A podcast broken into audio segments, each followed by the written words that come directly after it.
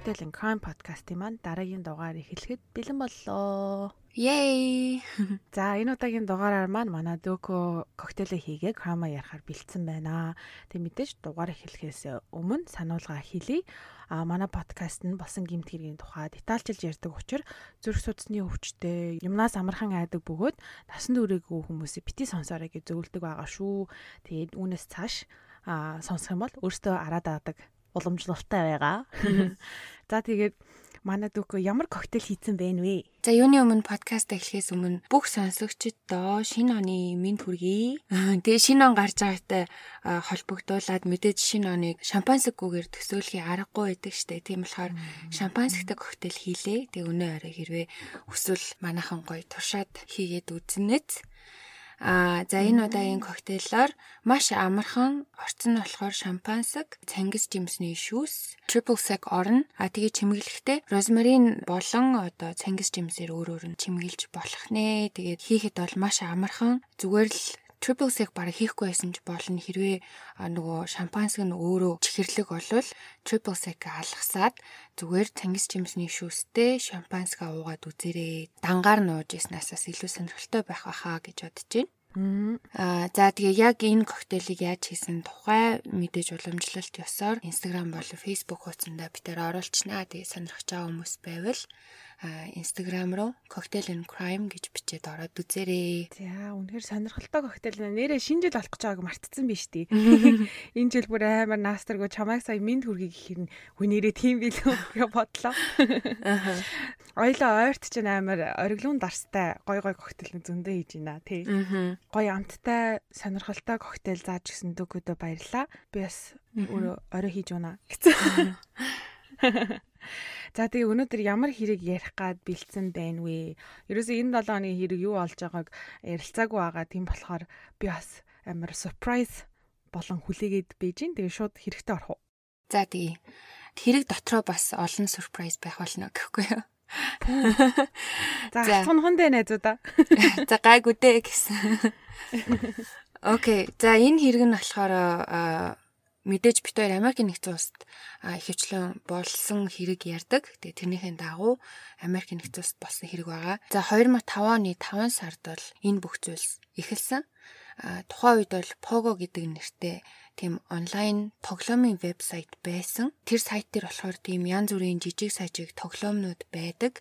Одоо янз бүрийн хүзрийн тоглоом, покер гэх мэттэй. А тэгээд дээрэс нь одоо тухайн тоглоомыг тоглож байгаа хүмүүс бас хоорондоо чатлж болдог байсан юм байна. За ялангуяа 2005 он гэхээр чинь мэдээж энэ үед те янз бүрийн чатнууд яг гэрчиг авцсан байсан үе штэ. Одоо баг Америкт ч гэлтгүү Монголд хүртэл те нөгөө хай тав те Mongoloid, Yahoo Messenger гэх мэт өөрсдийнхөө нэрийг нууцлаад а янз бүрийн нэрээр чатладаг цаашлаад бүр уулздаг байсан үе. За тэгээ тэр Pogo гэдэг сайт дээр болохоор янз бүрийн өрөөнүүд байдаг байсан бөгөөд өсвөр насны хүүхдүүд цуглардаг нэг өрөө байсан. А түүнд Tall Hot Blonde Big 50 гэсэн нэртэй тийм хөөрхөн шаргал өстэй охины зурагтай охин Marine Sniper 1000 гэсэн нэртэй залуутай чаталж эхэлдэг. Тэр хоёр бие биедээ одоо маш хурдан, маш ихээр татагдж өдөр шөнөгүй чаталдаг болсон. Тэгээ нөгөө Tall Hot Blonde гэсэн нэртэй охин болохоор өөрийгөө жинхэнэ нэрээ Jessie гэж танилцуулсан бөгөөд 10 жилийн төгсөх анги гэдгээ хэлдэг. Джесси бол ер нь спортод маш их дуртай. Тэгээ софтбол сургууль дээрээ тоглодог. West Virginia мужид амьдардаг гэж өөрийгөө танилцуулсан. Харин Marine Sniper нь болохоор жинхэнэ нэрээ Tommy гэдэг 18 настай усан цэрэг гэж танилцуулсан. А тэгээд би бол одоо 182 см өндөртэй булчинлог энтер гэж Джессиг хэлсэн. За тэгээд энэ хоёр чатлсаар байгаад сүултээ зургаа солилцоо. Тэг эхэндээ бол яг хөө зүгээр л янз бүрийн энгийн зураг явуулдаг байсан бол сүултээ тэр хоёрын харилцаа жоохон тийм sexual болоод тэг жоохон тийм нүцгэндүү яг чим чармаа нүцгэн биш ч гэсэн тэг бикинитэй зураг энтрээ явуулдаг болсон. Ер нь ихэвчлэн бол Джессигээс нэг жоохон тийм одоо сахилгагүй гэх юм уу те тиймэрхүү одоо юупхэн доогуур авсан зураг мураг ч юм уу тиймэрхүү зураг ирдэг байсан. За тэгээ энэ хоёр хідэн сар чатлсны дараа би биенийхээ гэрлүү захиа явуулдаг болоод ерөнхийдөө ингээд нэг онлайнаар үерхдэг хүмүүс болж хувирсан. Томи болохоор нөгөө өөрийгөө усан цэрэг гэж ярьжсэн штэ. Тэгээд харилцаж хугацаанд дундуур нь Ирак руу тушаал аваад явах боллоо гэдгийг хэлээд тэгээд Иракт одоо ирчихлээ гэдгээ бас Джессид хэлсэн хэрнээ тэр хоёрын чат бол мэдээж тасралтгүй үргэлжилсээр байсан. За энэ хоёрын харилцаанд ер нь бол Томи үе үе Джессиг харддаг. Тэгээ хартахаараа ер нь бол жоохон юм огцом уур гаргаж одоо Джессиг ер нь бол хэл хийлгүүгээр нь дууддаг байсан боловч Джесси тэрийг нэг тоодоггүй нэг аргадаад ингээд өнгөрчдөг байсан юм байна. А тий нэг удаа болохоор бүр том санаанаасаа зохиогоод цохилдуулах гэсэн юм уу яасан. Ямар ч байсан Джессиг чи өөр хүмүүстэй гадуур чатлаад байгаа юм байна. Одоо надад явуулдаг тэр зургнуудаа өөр хүмүүс рүү явуулсан байна гэж гүтгээд тэгээ тэр хоёр маргалцсан. Джесси бол мэдээж энэ бүхнийг өгөөсгээд надад чамаас өөр хинч байхгүй гэж Томиг аргахын тулд Томи руу илгээмж авалмаар байна гэдгээ хэлдэг. Тэгээ одоо мэдээж нөгөө Иракт байгаа хүн яаж илгээмж явуулах вэ гэсэн чинь Томи нэг хаяг өгөөд за чи энэ рүү явуулчгаа. Энэ рүү явуулах юм бол одоо армаас цаанаас нь ирсэн цагтл болон илгээмжийг аваад бид нар рүү шууд Ирак руу явуулчдгиймаа гэж хэлдэг байгаа.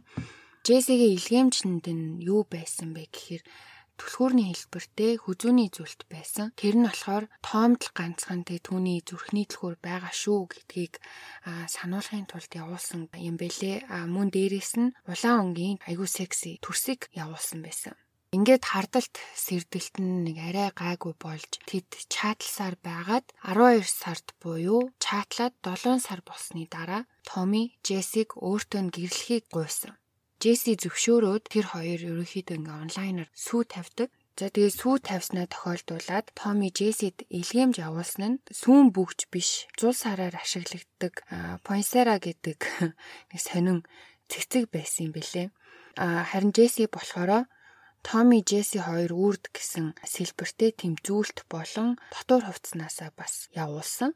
За ингээд сүү тавьсны дараа тэр хоёр уцаар ярддаг болж эхэлжээ. А гэхдээ юу нэг цагийн хуваар шиг юмтай те өглөө оройдоо нэг 10 10 минут л ярддаг байсан юм билээ. Ингээд тэр хоёр чатлсаар агаад дараа жилийнх нь буюу 2006 оны 2 сард Джессид нэг захиа зургийн хамт ирсэн. За тэр зурган дээр болохоор аав ээж хоёр нь хоёр охинтойгоо ахуулсан юм гэр бүлийн зураг байсан бөгөөд захиан дээр тэр зураг дээр хүмүүсийг танилцуулсан байсан. Захиан дээр юу гэж хэлсэн байсан гэхээр Зураг дээр хүмүүсийг танилцуулъя. Голд байгаа эрэгтэйг Том гэдэг 1989 оноос хойш өнөө хүртэлх миний нөхөр 46 настай. Компьютер дах үгэнд битгий итгээ. Одоо ингээ хайчих. Чи эцэст нь манипуляц хийж худлаа ярихтай сайн ийм хүний хохирогч болоод л дуусан штэ гэсэн ийм ил цагтл байсан. За ингээд өөрийгөө нөгөө 18 настай усан цэрэг мэрэг гэдсэн Томи маань үнэндээ 46 настай айл гэрийн нөхөр эхнэр хоёр хүүхэдтэй Томас Монтгомери гэгч засварчин залуу болж таарсан. Энэ хугацаанд мэдээж одоо Томи эхнэр нь том нэг л биш байгааг те ер нь бол нэг юм болоод байгаа гэдгийг гадралж исэн боловч барьж авч чадаагүй гэх юм уу нэг өдөр охин нь компьютер дээр нь сууж агаад нөгөө Tall Hot Blonde-аас ирсэн мессежийг олж илрүүлээд ээжтэй хэлснээр эхнэр нь цаашаа Томи юмыг ухснаар Джессигийн явуулсан ил захидлууд болон Джессигийн явуулсан нөгөө төрсөг гинтер гарч ирээд ингээд барьсан. Джессигийн захиа болон одоо дотор хувцснаас гадна Томи өөрөө өөртөө битсэн тэмдэглэлийг олсон. Тэр тэмдэглэлээр болохоор 2006 оны 1 сарын 2-нд 46 настай Том Монтгомери оршихой болж оронд нь 18 настай усан цэрэг амьдрах болов. Тэрээр амьдралынхаа хайртай хамт байхаар Вест Виржиниа руу нүүх гэж байгаа гэсэн захиа байсан. Тэгэд энэ тэмдэглэлээс харахад Том одоо өөрийнхөө зохиосон тэр зохиомол дүрдээ өөрөөртөө итгүүлсэн байснаас гадна жинхнээсээ Джесси дээр гэр бүлээ орхиод очих гисэн гэдг нь тодорхой болсон. Тэгээ одоо өөрийнх нь бодвол фэнтези ч юм уу тархин дотор нь бол 16 17 настай тэр жоох охин дээр өөрийгөө 18 настай гэсэн мөртлөө 46 таа нэг аим шиг юм очихоор нөгөөх нь тэгээ хүлээж авна гэж ботсон юм хайшин. Тэгээ энэ хоёр чинь зураг мургаа солилцдог байсан гэсэн штэ. Тэгсэн чинь Том болохоор дандаа өөрийнхөө одоо 30 хэдэн жилийн өмнөх усан цэрэг байхдаа ахуулсан зурагнаасаа явуулдаг байсан юм билээ. Тэгэд одоо тийм 70-аад оны хуучны зургийг яаж ч янзалж явуулдаг байсан. Нөгөөх нь ч гэсэн тэгээд итгэжлээдэг амир нэг жоохон тэр тэр хэсэг нь жоохон сонин санагцсан. А тэгээ мэдээж юу тэр Ирактэй мэдээж гэрте байсан. нөгөө өглөө оройдоо 10 10 минут уцаар ярьдаг байсан болохоор Том ажилдаа ирж очихдоо ярьдаг байсан юм лээ. За тэгээд мэдээж эхнэрийнх нь энэ захиаг авсны дараа Джесси уурлаад Томас шууд харьцаагаа тасалсан. Тэгсэн хэдий Джесси одоо Томд тасцсан байсан болоод ч тэрүү эхнэрийнх нь захианд итгэхийг хүсээгүүдээ ч тэрүү ямар ч байсан сонссон юм а баттахаар Томи хамт ажилдаг Pogo гэдэг нөгөө тоглоомын сайт дээр танилцсан ш тэн дээр бас тоглодог 22 настай Brian Barrett гэдэг залууг олж холбоо тогтоосон. Брайан болохоор бүх үнийг хэлсэн. Харамсалтай нь Том үнэхээр эхнэрийнх нь хэлсэнчлэн 46 настай хоёр хүүхдээ эцэг болж таарсан. Джесси Брайан хоёр анхандаа олбдоо Томыг жигшээдээ ямар байлаар заваа юм бэ гэдэг байсан бол сүүлдээ нөгөө хоёр чинь хоорондоо чатлаад эхэлсэн. Насан ч ойролцоо амархан ч ойлголцсон юм шиг байгаа. Удалгүй Джесси бүр Брайанд хайртай дуртай энэ төр гэдэг болчихсон байсан. Том мэдээж энэ тухай сонсчоод маш их уурлаж Джессид Брайан энэ бүхний төлөөсийг тусаараа төлөх болно гэж мессеж биччихсэн юм байлээ.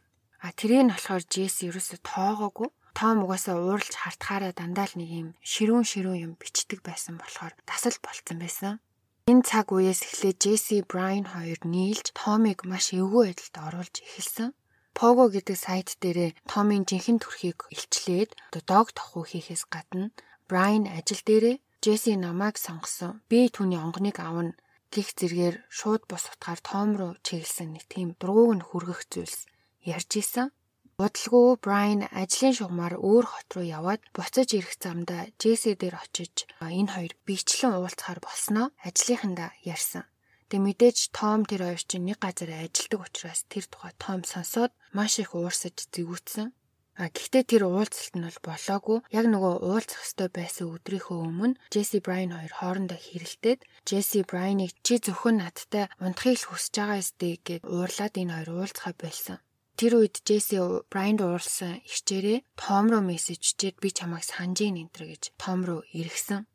Тэгсэн чинь Том чи хэрвээ Брайанаас харьцаагаа таслана гэж надад амлах юм бол би чамтай чатлана гэсэн баг. Тэгээд тэр хоёр буцаад чадалж эхэлдэг. Том угаасаа нөгөө Джессиг Брайантай маш их харддаг байсан учраас сэтгэл санаа нь маш тогтургүй. Нэг бол Джессид ингээ хайртай дуртай гэд хайрын мессеж бичээд нэг бол чи миний араар өөр хүнтэй алцгансан чатаар ингээд секст буюу одоо нөгөө мессежер секс гэсэн энтергээд харааж дуудах дуудахгүйгээр нь дууддаг байсан гэсэн. Джесси ингээд Брайантай холбоо тасалсан чи юунд ч хитэ санаа зовоо гэж одоо Томыг тайвшруулдаг байсан. Гэтэл Том Джессигийн чатыг бол байнга шалгадаг байсан юм билээ. Тэгээ шалгаж байхад нэг удаа Том Джесси Брайан хоёрыг нэг чатны өрөөнд байсныг нь хараад маш ихээр уурлаад энэ тухай Джесситэй ярилцах гэсэн боловч Джесси хариу бичихгүй уцаа авахгүй хэсэг алга болчдөг. Оройн нь гэрлүүн залхасаар байсан чинь Джесси эцэст нь уцаа автал Том өөдөөс нь бүр галзуу хүн шиг орилоод маш их ууралж байсан гэсэн. Тэгээ удалгүй нэг орой Том Брайныг ажиллаад арай тараагүй байхад нь машиныхын дугууг нь хаглаад түүнийг ажилласаа бууж гарч ирэхийг хүлээж исэн. Мэдээж нөгөө хамт ажилладаг учраас Брайны цагийн уурыг бол маш сайн мэдчихсэн.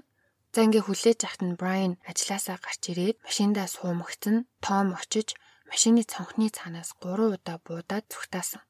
Харамсалтай нь энэ гурван суманд Брайныг гуруулаа онсон бөгөөд тэр дороо нас барсан. Тэгэд энэ үйл явдал 5 дахь өдрийн орой болсон учраас одоо хагасаа бүтсэнд хинч ажилдаа ирээгүй. Тэм учраас Брайны нас орсныг одоо 2 өдөр хинч мдээгүй юм бэлээ. За ингээд нэгтгэн өглөө Брайны цогцоос олдмогц мэдээж хэргийг хийсэн байж болцшгүй хүмүүсийн тухай судлахад ажлынх нь бүгдээрээ Томын талаар болон одоо тэдний онлайн хайрын драмагийн талаар хэлдэг. Тэнгүүд нь цагдаа нар за тийм юм бол одоо Джесси дэргээс очихгүй бол Том Джессиг ч гэсэн очиж гимтээж магадгүй гэж үтсэн учраас Джессигийн амьдардаг хотынхын цагдаад мэдэгдэж Джесси рүү хүн явуулсан. Цагдаа нар Джессигийн гэрт очиод мэдүүлэг авахд нэг маш том нууцыг олж мэддэг. Джессигийн гэрт очтол Джессигийн ээж нь гээд Mary Schiller гэдэг эмэгтэй байсан бөгөөд нөгөө Tall Hot Blonde Big 50 гэсэн нэртэй хүн чинь яг үнэндээ энэ Джессигийн ээж Mary гэдэг хүн байж таарсан. Mary охин Джессигийнхаа нэрээр хүмүүстэй чаталдаг байснаас гадна жинхнээсээ өөрийнхөө охин Джессигийн зургнуудыг явуулдаг гэсэн юм билээ. Тэгээ охин нь болохоор 17 настай яг л өөрийнх нь хэлсэнчлэн одоо 10 жилийн хүүхэд Тэгээд тэр нөгөө амар сонин сонин эвгүй баг юм шалтан шахуу зургнууд энтрийг өөрөө одоо охиныхон зургийг өөрөө авдаг. Юпүн доогоорох зураг мургийг хүртэл өөрөө авч явуулж ирсэн бэлээ. Амар гаж. Ээж нь одоо охиныхоо юпүн доогоор камер шургуулад дотоошныхон зургийг авч ийн гэж бодохоор тэгээ тэрийгээ өөрийнхөө насны 40 гарцсан бараг 50 хүрж байгаа хүмүүс рүү явуулж исэн гэж бодохоор айгүй амар Брайантай чатлж агаад хоорондоо маргалдангуудаа шууд буцаад Томтой чатлаад эхэлсэн нь магадгүй нөгөө Томыг 50 мянга хүрж байгаа хүн гэж мэдсэн ч гэсэн өөрөө бараг нас ойролцоо хүмүүс байсан учраас тоогоогүй буцаад чатлж эхэлсэн юм аашийн. Томыг удалгүй баривчилсан. Анхандаа бол хуурамч алибай зохиогоод одоо аллах болох үед хоол идчихсэн энэ төр гэж хэлжсэн боловч эхнэр нь худлаа ярьж байгаа гэдгийг нь илчилж яг хідэн цагт гэртээ орж ирснийг нь хэлэхэд аллаг үлтчихэд ирэхэд хангалттай цаг хугацаа байсан. Дээрэс нь хөдлөвшгүй нотлох баримт бол маш их байсан. Хэргийн газар байсан тоор жимсний үрэн дээр Томийн ДНХ олцсон. Дээрэс нь нөгөө бууны хонгон дээр Томийн нохооны үс, Томийн утасны байршил хэргийн үе тэр хавьд байсан нь тогтоогдсон. Мөн түүний буунуудаас Брайныг алсан тэр буун байгаагүй.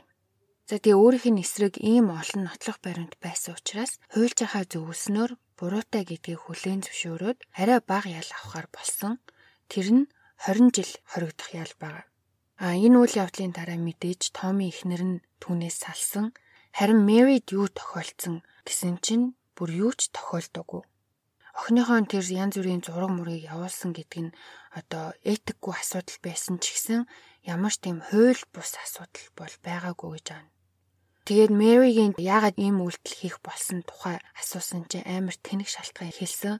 Анх болохоор уйдаад байсан болохоор ингээд catfish хийж эхэлсэн гэж байгаа. Тэгэнгүүтээ Томтой яагаад харилцаж эхэлсэн гэсэн чинь Томыг бусад тийнейжрүүдээс те одоо бусад өсвөр насны хүүхдүүдэд харилцах үе гэдгээс хамгаалж би бараг ингээд саатуулж исэн гэсэн хариулт өгсөн. Гэхдээ уусаа бүгдээрээ л байгаа штэ анх Мэри түүнийг 18 настай эрэгтэй хөвгт гэж ботсон. Өөрөө ч гэсэн 40 гарцсан ир гэдгийг мдээгүй байсан. Тэгэхээр энэ бүхэн угаасаа худлаа. Тэгээ энэ хэрэг болсны дараа Мэри ч гэсэн өөрөө гэр бүлтэй одоо нөхөртэй хүүхдүүдтэй хүн байсан боловч нөхөр нь өөрөөс нь салаад хүүхдүүд нь за ялангуяа Джесси бол өөрөөс нь холбоогоо тасалж бүр огт холбоогүй болсон юм байлээ. За тэгээд нэг ийм хэрэг байна. А энэ хэргийн талаар 2012 онд Tall Hot Blonde гэдэг нэртэй кино хүртэл хийгдчихсэн юм бэлээ. Дээрээс нь Mary юу гэлээ баг онлайнаар танилцахын хор уршигч илүү баг тиймэрхүү утгад ном энтер бичсэн гинүү. Mary өөрөө юу? Тий. Алчдсан байна. Хэрэг хэрээнийхээ харыг гайхан гихчээр. Үгүй харин тийм энэ одоо catfish хинт юу заах гээд байна гэхгүй. Нэг юм сонио хэрэг байна. Тэгээд харамсалтай хоёр catfish-ийн балаа харилцаанаас олж нэг жоохон тэгээ итэр 22 настай хүүхэд амь насаараа хохирчж байгаа байхгүй юу? Йоо, над чим одоо ингээ хичнээн 2005 2006 онд болсон хэрэгч гэсэндээ яг иймэрхүү юмнууд одоо хүртэл болдсон шүү дээ. Аа яг ингээ яриад сууж байхдаа юу вэ өөрөө Мэри 40 эдэн настай юм битээ хүн яаж бүр төрсэн охиныхоо тэг зургийг тэгэж ашиглаж чадчихна. Харин тийм. Бүр ерөөсөө ингээд ямар тач эрүүл хүн бишээ. Ингээд нэг юм ухаан санаанд ерөөсөө багтахаарг байгаа байхгүй юу? Хичнээн дээр үед болсон хэрэгч гэсэндээ бодогдчихлоо. Бит хоёрлоо бас нөгөө нэгэн сонсогч маань биччихсэн. Ээж нь гадаад хүнтэй ингээ харилцаад байна гэд. Тэгээ тэрийг одоо буруу гэдгийг мэдээд байна, хуурамч гэдгийг мэдээд байна. Яаж зогсоох уу гэд тийм асуудлын тухай биччихсэн. Тэр санаанд очлоо. Одоо хүртэл иймэрхүү юм болдог. Ялангуяа бүр илүү интернет бүр амар хөгжчихсэн одоо үед те 2005 2006 онтой харьцуулахад бол бушаал ондоо болсон байгаа. Илүү нөгөө нэг юм ийм хүмүүсийг луурддаг, хуурдаг хүмүүс те бүр ийм арга барилаа бүр олчихсан, нөө хаваа олцсон те. Тийм байгаа учраас бас сэрэмжтэй байхгүй бол интернетээр онлайнаар харсан юмдаа ерөөсө бити итгэе. Имэйл, мессеж юу ирдгийг ерөөсө бити итэг бүр өөрөө л нэг харж Тэ бүр уцаар ярихад хүртэл хүнтэй итгэж итгэж болохооргүй болцсон байгаа байхгүй юу. Цаан чинь ингээ бүр хүний утасны дугаар сольдог аппликейшн байна. Хүний хоолойны өнгийг сольдог аппликейшн байна. Бүр ингээ хинт житгэх болохооргүй цаг үе болсон. Одоо үгүй амьдандаа танилцъя гэх юм бол нэг юм илүү органик маягаар тий юу хиймдэ гадуур явж байгаад ч юм уу танилцсан нь илүү дээр болоод байгаа хгүй. Ер нь сэрэмжтэй байхгүй болвол юу. Гэтэ хайрын залуу бүр үнэхээр харамсалтай 22хан настай залуу. Харин тийм. Тэгээ одоо ч гэсэн тий нэрэ чиний хэлдгээр catfish гэдэг юм чинь бүр амар түгээмэл байдаг. Тэгээ тиймэрхүү ТV шоунууд агиох байдаг штэ. Одоо би бол амар үзэх дуртай гэхгүй. Catfish гэдэг нэртэй бүр TV шоуч байдаг те. Тэрийг үзэж байхаар чинь одоо ингээл X-с өршөө авахаар хурамч профайл нээж ингээ зүрх сэтгэлээр нь тоглож байгаа хүмүүс ч байна. А эсвэл мөнгө төгрөг салах гэж бичиж байгаа хүмүүс ч байна. Тэгэнгүүтээ одоо бас нэг шоу би бас үзэх дуртай. 90 Day Fiancé гэдэг байдаг штэ. А тэр нь болохоор нөгөө Америкийн иргэн гадны иргэнтэй сууж байгаа үйл явцыг үзүүлдэг. А тэрэн дээр бас одоо ийм хуурамч catfish-уудад мөнгө төгрөгөөрөө санхүүгээрээ маш их хохирж байгаа хүмүүс мэрсэр бас гардаг байхгүй тохиолдлууд. Тэгээ тэр мэрийг харах үнэхээр амар өрөвдөлтөй одоо тэр хууртагдж байгаа хүн бол ингээд 100% ингээд нөгөө талын нөгөө үнтэй одоо хичнээн уулзаагүй ч гэсэн ингээд үнэн сэтгэлээсээ ингээд дурлцсан хайрлаж байгаа байхгүй. Тэгэл тэр хүн юу л асуун юу л хүсэн тэр болгоныг ингээд биелүүлэх гэж амар хичээдэг. Тэгээ эцэст нь нөгөө үнэн нь одоо юу гэдэг зөвхөн санхүүгийн хэрэгцээг хангахын тулд тэр хүнийг луйвардж байгаа нь тогтоогддог. Тэгээд нөгөө хууртагдж байгаа тал болохоор ингээд ийм байна гэ бүх юмыг дэлгээд үзүүлээд тахад хүртэл тэр хурамч гэдэгт итгэхийг хүсдэггүй те ягаад ч юм миний энэ бол өстой жинхэнэ хүн байх өстой би жинхэнэ одоо доторх хүнийг харсан штэ энэ төр гэж ингэж өөртөө итгүүлсэн бүр ингээ хурамч гэдэгт нь итгэхээс маш их тэмцдэг итгэхгүй гэж те. Тэгээд энэ бол амар сайд одоо тэр чиний хэлсэнчлэн хойл нэр мессеж ütсэн хүүхдийн ээж байна. Хуурамч гэдэг нь бид нар бол хажуугийн хөндлөнгийн хүмүүс баталгаад амар хэцүү шттэ одоо мэржлийн үний тусламжгүй л бол. Тэгэхээр нөгөө хүн л өөрөө нүдэ нэх хэрэгтэй байдаг. Одоо иймэрхүү онлайн харилцаа марилцаанд орж байгаа орох гэж байгаа орцсон байгаа хүмүүс бол нөгөө талаас маш сайн тэр хүний зүрх сэтгэл нь жинхэнэ гэдгийг амар сайн баталгаажуулж нотлохоожуулж авахгүй бол маш их скамууд байгаа шүү Харин яг нөгөө одоо ингээд тоглуулж байгаа хүний зүрх сэтгэлийнх нь сул талыг ашиглаж байгаа байхгүй юу? Яг ингээд олон жил ганцаараа явчихсан. Тэ ингээд байнга ажилдаг. Тэ яг ингээд жинхэнэ амьдрал дээрээ бас ингээд хүнтэй гараад яриа өдөөт ч юм уу танилцах тиймэрхүү жоохон бүрэг ичимгийн хүмүүс байдаг шүү дээ. Ер нь нэг тиймэрхүү хүмүүс илүү онлайнаар өөрийгөө илүү чөлөөтэйгээр илэрхийлээд бас нэг ингээд өөрийн хайр дурлал тэ одоо заяаны хайн ч юм уу тэрийг олох гэж байгаа хүмүүсээр ингээд ашиглаж балиар ингэж тоглож байгаа. Тэгэхээр ингээд яг одоо mental healthтэй хүний сэтгэл зүйн байдал үнэхээр тогтвортой бат бухт байх хэрэгтэй юм шиг байгаа. Тэ? Аа. Одоо энэ саяны хэрэг хийдэг Томиг байна штэ. Аа өөрийн гэсэн ийм тэмдэглэл дээрээ хүртэл одоо ингээд миний би тийм 46 настай энэ ингээ байхгүй болоод 18 настай Томи хайртай бүсгүйтэйгээ амьдрахын тулд хаашаа илээ West Virginia нүүлээ мүлээ гэсэн юм битсэн байсан шүү дээ. Гэсэн шүү дээ. Тэрийг ингээ харахаар бас ингээд хальт өрөвдөлтөй юм шиг яагаад гэвэл яг нөгөө энэ Томи өөрийнхөө хүссэн амьдралаар амьдраагүй юм шиг санагдчихээн. Тэгээд 40 эдэн нас хүрэнгуудаа амьдралдаа сэтгэл хангалуун биш өөрийнхөө хийгсэн сонголтыг хийж чадаагүй тэгүнгуудаа ийм нэг юм фэнтези гаргаж ирээд өөрөө толгоондоо тэрэндээ итгээд те би 18 настай Томи гэдэгтээ итгээд ийм персона гаргаад явж исэн гэхээр бас сэтгэл зүйн mental health сэтгэл зүй бүр үнэхээр тэг арчлах хэвээр юм шиг сонсогдож байна. Тэгээ үнэхээр сонирхолтой хэрэг байна дөөкөө бүр яг ингээд дээр үед болсон хэрэг хэдий ч одоо хүртэл юм байдаг хэрэг те. Тэгэхээр одоо манайхан тэг catfish бай, scammerууд бай, онлайнаар танилцж байгаа хүмүүстэй маш санаатай хандах хэрэгтэй байх нь штэ. Нүцгэн зургаа бол угаасаа явуулах дими. Одоо тэр хүн нь үнэн байсан ч гэсэн тий хутлаа байсан ч гэсэн дараа нь ингээд чамайг тэр нүцгэн зургаар чинь шантажлуул яана. Тэгээ дээрэс нь одоо ямарваа нэгэн байдлаар бага хэмжээний мөнгө байсан ч гэсэн тий ер нь бол мөнгө асуугаад эхлэхээрээ жоохон хэцүүдэд ирдэг. Ер нь жоохон буруу тийшээ яваад ирдэг. Тэр мөнгө нь одоо 2000 төгрөг байж 100000 төгрөг болоо 100 болоо сая болоод явдаг те одоо нэмэгдээ явдаг. Аа бас нөгөө нөгөөтэйгээр бас скамерууд ингэдэг гэж аахгүй?